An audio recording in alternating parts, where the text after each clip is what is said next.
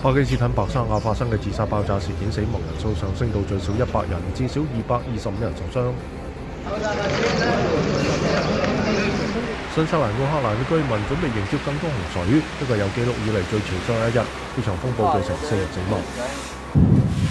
亡。